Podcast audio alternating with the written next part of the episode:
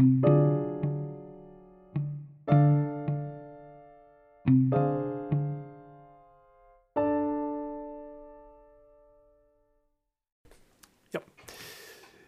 uh, wordt een podcast die opgenomen wordt door Rutger van Eiken en Joost van Iersel. Wij zijn beide uh, lid van het lectoraat Zorg rond het levenseinde. En binnen dat lectoraat voeren wij gesprekken met uh, de kwetsbare mensen in de samenleving, waarbij Rutger zich richt op de mensen die dak- en thuisloos zijn. En ik vooral gesprekken voer met ouderen, dat zeggen 80-plussers, waar het leven al zo verandert dat de mogelijkheden minder worden, waardoor er existentiële uitdagingen ontstaan. Um, wij kiezen er heel bewust voor om in deze podcast niet een verslag te geven van onze onderzoeksgegevens, maar juist een demonstratie te geven van hoe zo'n gesprek nou zou kunnen gaan. En um, Rutger en ik zijn allebei een beetje filosofisch ingesteld. Wat kan betekenen dat het uh, een uh, gesprek wordt vol bespiegelingen over de zin van ons leven. En misschien met wat concreetheid erin. Nou, we gaan aan de slag, Rutger. Rutger. Ja, Joost.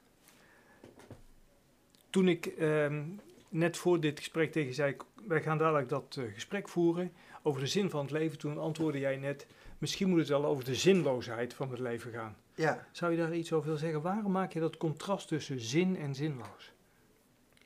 Uh, ja, omdat eigenlijk is uh, de zinloosheid de negatie van zin. Hè? Dus makkelijk woordenspel zou je het kunnen noemen.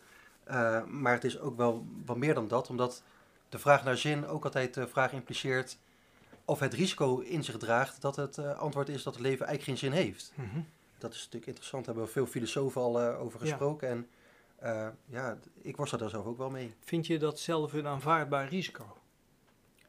Um, mogelijk, maar niet een zo groot risico dat ik die vraag niet stel. De, ik, ik, uh, dus de vraag naar zin, die, die durf ik te stellen en dus ook te concluderen mogelijk dat het gewoon geen zin heeft. Dus mm -hmm. uh, ja, dat risico loop je altijd als je een vraag ja. stelt. En, en denk je wel eens vooruit in de toekomst, stel dat ik na het uh, overdenken van deze vraag tot de conclusie kom dat het eigenlijk een betekenisloos of een zinloos uh, leven is, zitten daar dan consequenties aan vast?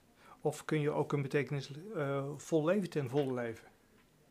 Ik denk dat je juist een zinloos leven ten volle kunt leven.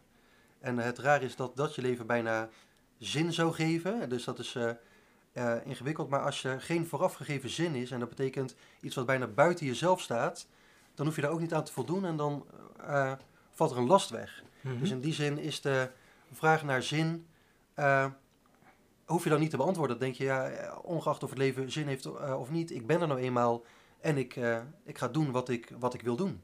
Het geeft heel veel vrijheid als het leven geen zin zou hebben. Ja. Dus, dus het ontbreken van een antwoord in, in de zin van een groter antwoord. Dus uh, bijvoorbeeld, ik besta om hier in het hiernamaals gelukkig te zijn, zoals we in de katholieke kerk geleerd hebben. Uh, als zo'n antwoord weg zou vallen, geeft je dat een vrijer gevoel. Ja. Ja. Ja, juist. Juist omdat je dan je eigen leven kunt leiden, zelf kunt kiezen, ook die verantwoordelijkheid moet dragen. Daar komt natuurlijk van alles bij kijken. Daar zijn veel uh, mensen als een Camus, denk ik dan aan, en Kierkegaard, die daar veel over hebben nagedacht. Uh, dat je ten volle verantwoordelijk bent voor de keuze die je maakt, maar ook voor het leven dat je leidt. Juist omdat die voorafgegeven zin er niet meer is. Ja, dat vind ik interessant dat het voor jou een bevrijdend gevoel is.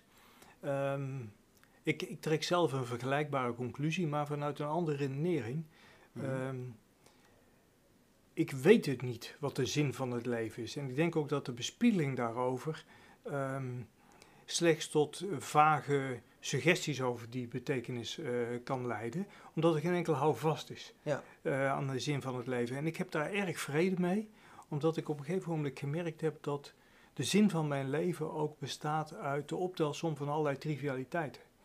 Dus, dus het leven rolt als het ware vooruit en ik doe daarin allerlei dingen die op zichzelf misschien wat betekenisloos zijn of kleine facetjes zijn, maar die in zijn geheel misschien enige waarde aan mijn leven geven. En die waarde die zit dan voor mij vooral bijvoorbeeld in betekenisvolle interactie. Dus die zit niet in omdat ik weet dat ik er nu ben om later bij God te zijn, uh, om aan zijn zijde te zitten en daarbij mijn uh, voorgangers, mijn voorouders zo weer te ontmoeten of mijn geliefde.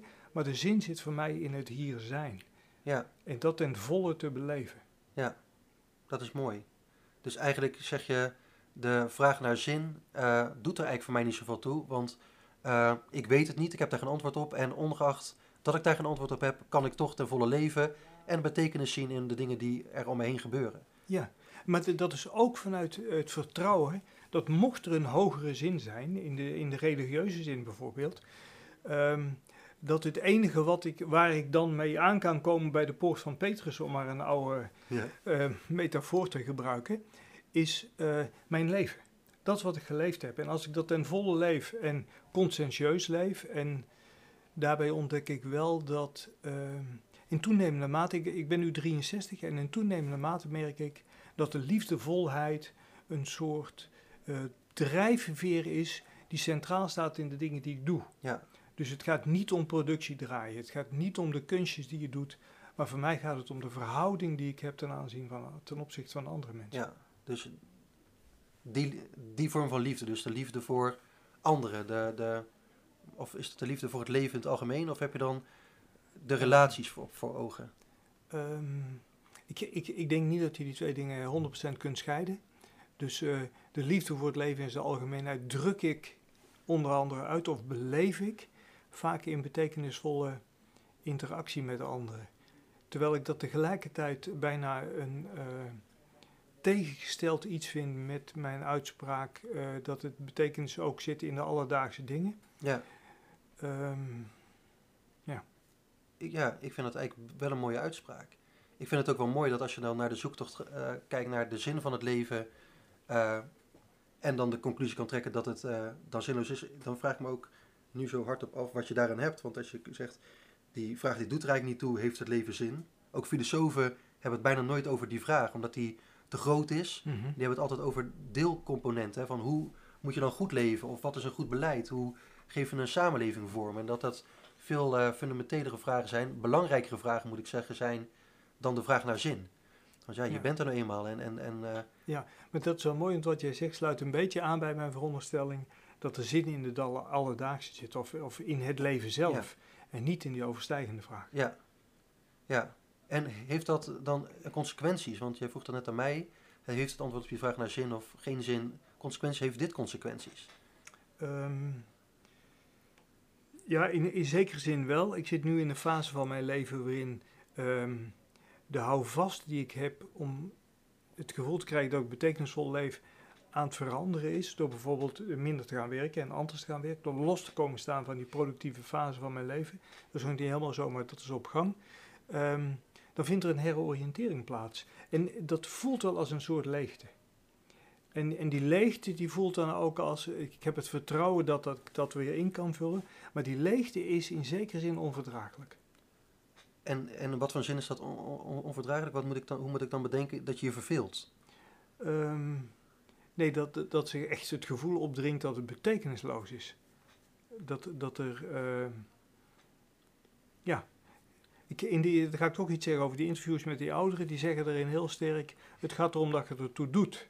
Of dat er iemand op je zit te wachten. Ja. En eh, die relatie met die ander en dingen doen die ontvangen worden door anderen als betekenisvol, wa- waardoor je als het ware iets naar iemand toe gooit en die ontvangt dat met vreugde, die ontvangst maakt wel dat ik als gever of als doener daarvan eh, een betekenisvolheid ervaar. Ja, ja. Dat, dat, dat snap ik. Ja, en, eh, kijk, ik, ik omarm het leven als een waardevol gegeven. Dus eh, gedachten als eh, ik ervaar het tijdelijk als minder betekenisvol, dus moet ik er maar een einde aan maken. Die gedachte komt niet bij mij op.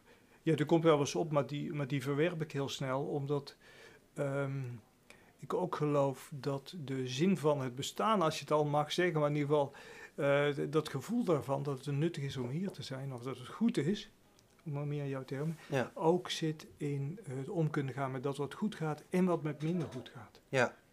Dat is ook zo. Dus, dus eh, wat die de wachter heel sterk zegt, dat, dat het geluk niet iets is wat we elke dag moeten creëren, waar we verantwoordelijk voor zijn, maar dat we juist stil moeten kunnen staan bij dat wat ons overkomt en wat moeilijk is. Ik geloof heel erg dat dat betekenis aan het leven geeft. Ja, En ook heb ik gemerkt, als het slecht is in mijn leven en ik kom er overheen, ben ik daarna een gelukkiger mens. ja, dat is mooi. Dat je er iets overwonnen hebt. En, Ja. en je verrijkt hebt hè, met, met Ja. ervaringen. Ja. Wat je niet ombrengt, maakt je sterker. Dat is dan zo'n gevleugelde uitspraak van Ja. Nietzsche bijvoorbeeld. Ja. ja, ik begrijp wat je daarin zegt.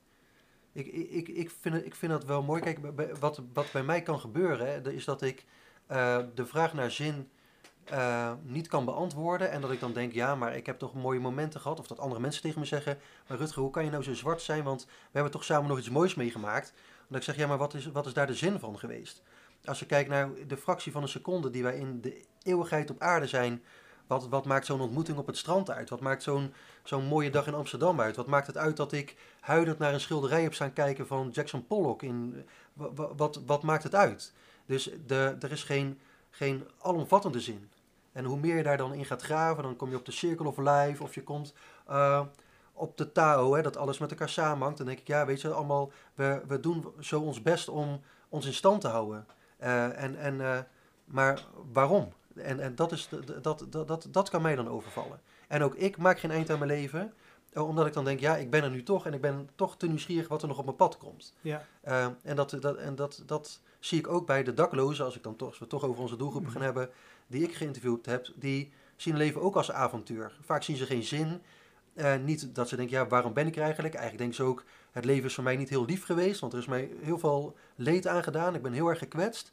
Maar als ze dan kijken, ze zijn toch ben- benieuwd wat er nog komt en hebben hoop dat ze zeggen, maar ooit komt die vrouw nog, of ooit komt dat huis nog, of ooit kom ik op mijn plek. En dat, dat, vind ik, eh, dat vind ik mooi. En ik denk dat dat volgens mij, als ik kijk naar de zin van mijn leven nu, ik heb op die grote vraag ook geen antwoord, maar ik ben wel op mijn plek. Ik doe dingen die ik fijn vind en heb me eh, omringd door mensen die ik prettig vind. En ik, ik, ik volg je verhaal wel goed daarin. Ja, maar Rutger, als ik naar je luister, ik denk dat je zegt dat de motor in je bestaan dus niet het weten van een hogere zin, nee. maar het vermogen om nieuwsgierig te zijn en te verlangen. ja, dat is zo, ja.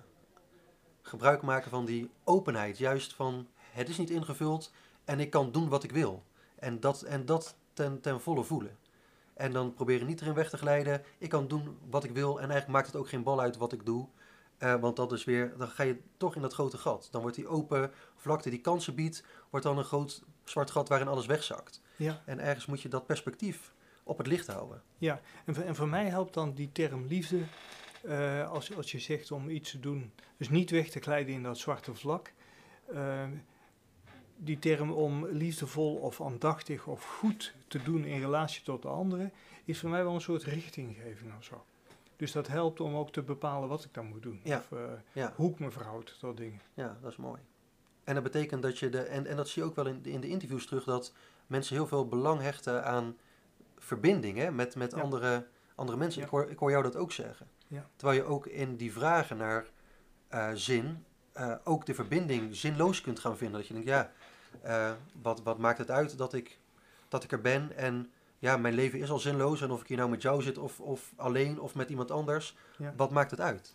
Eh, zie- zie- zie- Ja, helemaal. Ik, ik vind dat een van de meest fundamentele worstelingen, die ook vaak beschreven worden, die worsteling tussen enerzijds verbonden zijn, de behoefte aan verbinding, en tegelijkertijd het diepe besef dat we als mensen allen alleen zijn. Ja.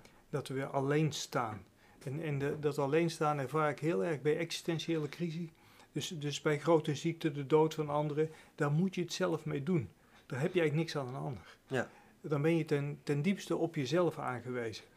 Eh, Dus, dus, dus die, dat dilemma tussen alleen zijn, alleen staan en verbinding, ja, dat is een diep onderdeel van mijn leven. Ja. En, en ook, ook die worsteling in. En, en die worsteling is moeilijk en tegelijkertijd is die betekenisvol. En, en dat is ook vanuit wat jij zegt, als ik naar het schilderij kijk, of al die mooie dingen die je noemt, dat ze op zichzelf zijn zandkorreltjes die betekenisloos zijn, maar op de een of andere manier maken ze toch dat je je tijd goed doorgekomen bent. Zeker, ja, dat is, eh, dat is zeker waar, ja. Dat is zeker waar. Ja. We hebben allebei het boek gelezen, De Zin van het Leven, hè, van eh, die eh, journalist die een hartaanval had gekregen. En eh, Fokke Albema. ja, precies, die, die, die al die mensen heeft geïnterviewd over hun zin van het leven. He- heb je daar nog mooie inzichten in opgedaan waarvan je dacht, eh, dat heeft mijn kijk op de zin van het bestaan anders gemaakt? Of zie je dingen die overeenkomen bij elkaar, bij, bij mensen? Ja. ja, wel een aantal dingen. Ik, ik heb eh, als achtergrond religieuze antropologie, waarin ik me heel erg bezig heb gehouden met hoe mensen zin geven aan hun leven. En ik vind de weerslag van het boek past erg bij die studie. In de zin van ehm, dat er bij de meeste mensen wordt een onderscheid gemaakt tussen de grote zin van het leven, waar wij het nu ook over hebben. Is er een algemeen geldend antwoord dat richting geeft aan mijn leven, maar ook de kleinere zin. Ja. Uh, en, en velen worstelen met die vragen en nemen daar een positie in. Ja. Dus er zit een soefist bij, er zit een hindoe staan bij, er zitten mensen bij die katholiek zijn, die allerlei grotere zingevingssystemen aanhangen die hun richting geven in hun leven en ook wat goed doen en niet goed doen is. En er zijn er ook bij die dat op een andere manier doen. Zoals jij net even in de voorbespreking zei, heb je dat artikel gelezen of dat interview met die vrouw die vanuit een communistisch perspectief leeft. Ja. Waarin het goed doen helemaal bepaald wordt door de communiteit waar je in leeft. Alles wat je doet ten dienste van de groep. Ja. Dat, is, dat is voor mij eigenlijk dezelfde zin als voor God of voor Jezus of voor, Ja. voor welke God dan ook. Ja. Eh, het, voor, voor mij is dus de zingeving ook een, het is een verhaal. Ja. En ik denk dat wij wezens zijn met enorm vermogen om verhalen te verzinnen. En verhalen te vertellen aan een ander en aan onszelf. En daarmee ook betekenis creëren. En dat zie ik heel erg terug in al die verhalen die ik gelezen heb. Ja. En ja, wat wij zeggen, verbonden zijn, betekenisvol zijn voor anderen. Eh, ja, dat zijn voor mij wel. Welke dingen vielen jou op in het boek? Nou ja, wat mij sowieso opviel, dat er heel veel mensen eh, ermee worstelen, eh, met, met die vraag ook worstelen. Hè. Dus, dus vaak wordt die vraag helemaal niet gesteld. Het is niet dat als ik op een verjaardag ben, eh, nou dat kan, zou bij mij nog kunnen gebeuren, maar over het algemeen is niet de vraag die dan op tafel ligt, ook niet in een café eh, als we bier staan te drinken. Maar als je mensen de vraag naar zin geeft, vindt, vindt iedereen dat ingewikkeld. En ik vind het zo fascinerend dat we allemaal ons leven aan het leven zijn. Maar als je dan mensen vraagt, maar wat is daar nou eigenlijk de zin van? Dat, dat, dat mensen daar toch verschillend over denken. En sommige mensen, ik heb ook een paar mensen gehoord, eh, die zeiden ja, het leven heeft eigenlijk geen zin. Ik denk ook dat er niks na de dood is. Maar toch het leven op aarde van betekenis kunnen laten zijn. Mhm. Eh, en en dat, dat, vind ik, eh, dat vind ik mooi. En, en, en dat communisme, begon, daar net, begon ik daar dan niet voor niks over. Dat, dat vond, ik mooi, dat iemand was opgevoed met het idee... ja, je leven heeft geen zin, maar het draait ook niet om jou.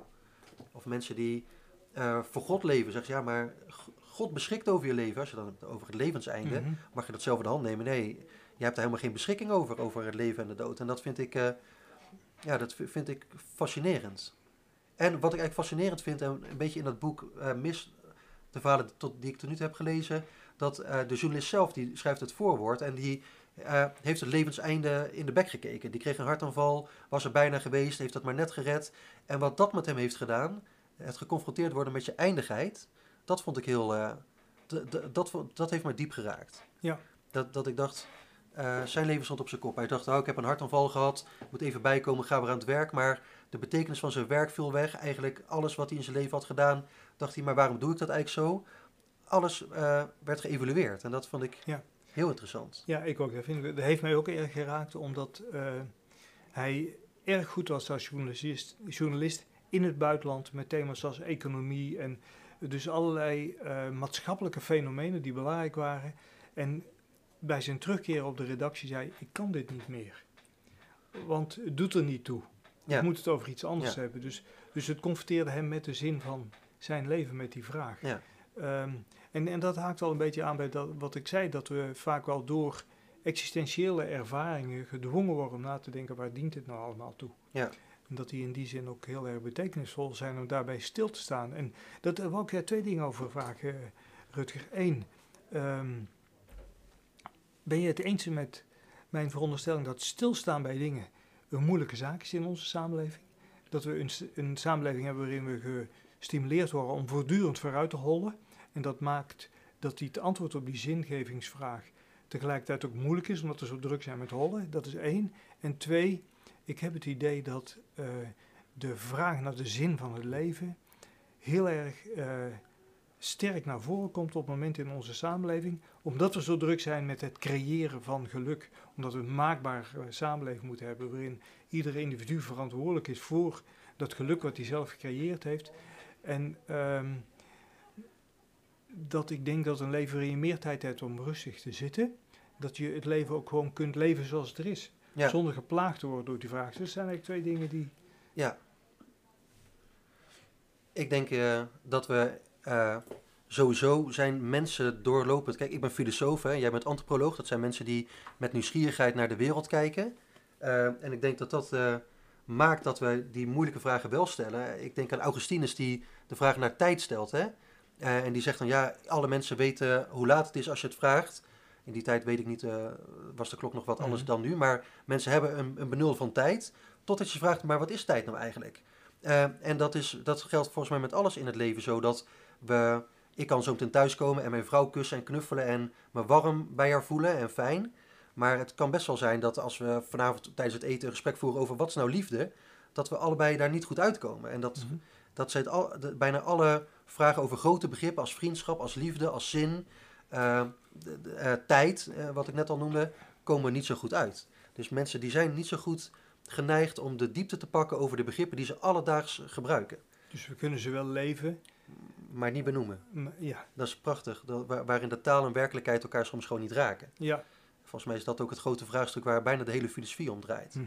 En dat is wel fascinerend, omdat zoekend naar het antwoord op die vraag je wel ander beleid gaat maken. Ja. Dus vandaar die vraag die jij aan het begin stelde, eh, maar maakt het uit of het leven wel of geen zin heeft? Ja, dat maakt denk ik uit voor hoe je je leven leeft en ook hoe je het leven van anderen vormgeeft. Hè. Wij geven allebei les op de Academie voor Sociale Studies, leiden mensen op om hulpverlener te worden. Eh, de, de vraag over hoe je naar het leven kijkt eh, en wat je vervolgens dan van mensen vraagt, als hulpverlener of als politiek of, of als beleidsmakers, waar dan ook. dat heeft een fundament in het antwoord op de vraag naar zin. Ja. De, de, dus het, is, het zijn super relevante vragen, maar doorgaans hele moeilijke vragen. Absoluut mee eens.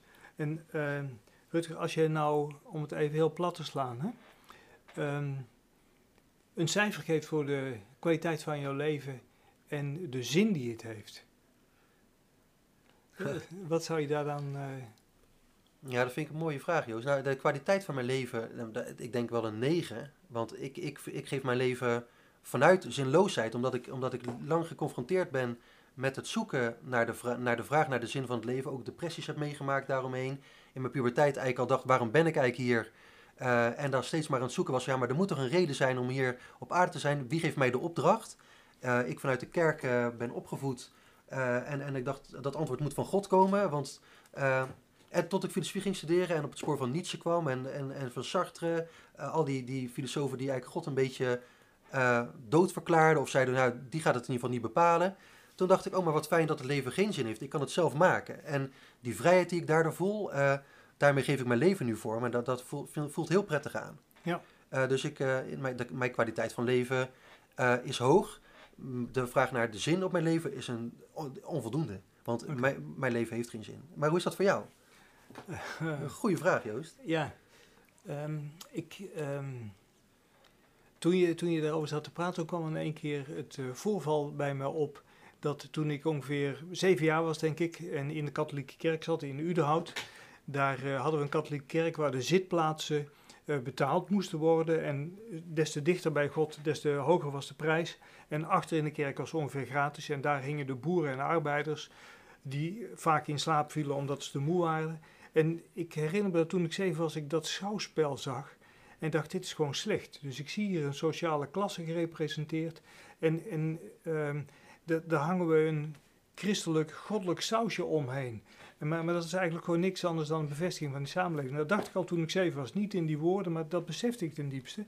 En eh, ik, ik denk nu dat dat al een uitdrukking was van het feit dat ik me verbonden voelde. Dat ik ehm, in, in die relatie en die positie die ik had in die samenleving en daar ook actief in kon acteren, dat ik daarmee ook verbinding aan mijn leven, eh inhoud aan de verbinding in mijn leven kan geven. En dat heb ik mijn hele leven gedaan, denk ik. Dus ik vind mijn leven eh, van een hoge kwaliteit. Ehm, als het gaat om die zin, ik weet het niet en ik heb ook geen last van de vraag. De- de- ni- niet echt last. Nee, nee, dat is Dus, dus ik heb als het ware door het antwoord te formuleren dat het niet uitmaakt, omdat ik waar dan ook, welk tribunaal ik ooit voor mag komen, het toch alleen maar gaat om de vraag hoe heb je geleefd, Ja. Ehm, heb ik daar eigenlijk een heel gerust geweten over. En, Ja. en kan ik die vraag ook van mij werpen. Al moet ik wel zeggen dat ehm, ik, als ik soms in mijn hoofd de plaatjes zie van mijn overleden vader, moeder en eh, mijn zus Maria en mijn broer. En dan denk, hoe zou die nu, nu naar mijn leven kijken en welke oordeel zouden die dan vellen, dan, als het ware alsof ze God zijn, dan ben ik daar niet altijd gerust op. En hoe komt dat dan? Ehm, ja, omdat, om- omdat wij verschillende visies hebben op het leven en dat ik dan dingen anders doe en eh, dat ik dan denk van nou, dan weet ik niet of, of dat goed zal zijn en heb ik dan de vrijheid om dat zo te doen. Dus maar dat, dat, al die overwegingen zijn ook weer overwegingen van een sociale aard, denk ik. Ja, interessant. Dus, dus eh, de vraag knelt mij niet zo, maar ik ben tevreden over de kwaliteit van mijn leven, hoe ik dat vormgeef. Ja. En dat zit in die liefdevolle verbinding, denk ik. Ja, Al ervaren anderen dat niet altijd. Dat is ook wel interessant. dus hoezo is dat dan? Nou, dus, dus de beweging die ik maak naar anderen, nou studenten bijvoorbeeld, hè, dan eh, kom ik ergens en dan probeer ik vanuit de beste bedoelingen te zeggen dat het product dat ze geleverd hebben niet voldoet aan de eisen, maar dat ze dit en dit nog moeten doen. En zij horen dan het enige zinnetje, ehm, dit is typisch mbo-niveau. Eh, en dat is wat blijft hangen. En ze voelen zich volstrekt afgeserveerd als mbo'er, terwijl ze aan het groeien zijn naar hbo. Ja, Terwijl daar een heel verhaal omheen zit van beweging en begeleiding en doelen stellen en et cetera. Maar dat is niet blijven hangen. nee. Dus ik krijg dan de feedback dat dat niet liefdevol is. Terwijl ik het uit een uiterst goede intentie doe. En ik denk, die worsteling tussen de werkelijkheid die we zelf beleven en hoe anderen onze werkelijkheid beleven, dat is van alle dag. Ja, En dat blijft een voortdurende vergissing of een zoektocht. ja.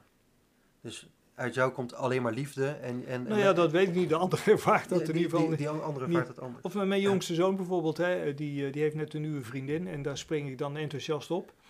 Hij vindt veel te enthousiast, dus dan in een telefoongesprek terwijl hij met een vriendin aan de voordeur staat bij een restaurant. eh, Geen vriendin, maar dat meisje. Zeg ik, goh, ga je met je vriendin uit?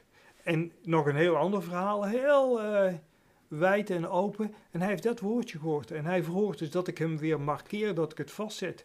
Is helemaal niet mijn intentie. Nee, Dus dat is ook wel spannend in die, eh, ja. in die relatie met de ander. Ja, en dat, en, dat, en dat blijft ook spannend, eh, omdat mensen hebben hun eigen verhaal en jij haakt daarop in. Eh, de, de, en dat is natuurlijk de spanning dat je, je kunt je leven zelf vorm willen geven, maar dat doe je niet, want er zijn altijd andere, Ja. andere mensen die al een verhaal hebben. En kies je dan de juiste woorden op het juiste moment Ja. en dan zijn intenties nooit goed genoeg, want, want ja, eh, dat is, dat is heel interessant. Dat is een Ja. in- interessant gegeven ook. Maar ik, ik denk dat ik een hoog cijfer voor mijn kwaliteit van leven geef, omdat ik geniet van de worsteling. Ja, dat is wel mooi gezegd. Ik heb eigenlijk nog, nog wel, wel een vraag, want ik zit er over, over de zin van het leven na te kijken. eh, zitten we nu met elkaar in gesprek en, en eh, bestaat er een voltooid leven? Daar hebben we natuurlijk bij het lectoraat Ja. vaak over. Hè? Kan je leven voltooid zijn? Ehm,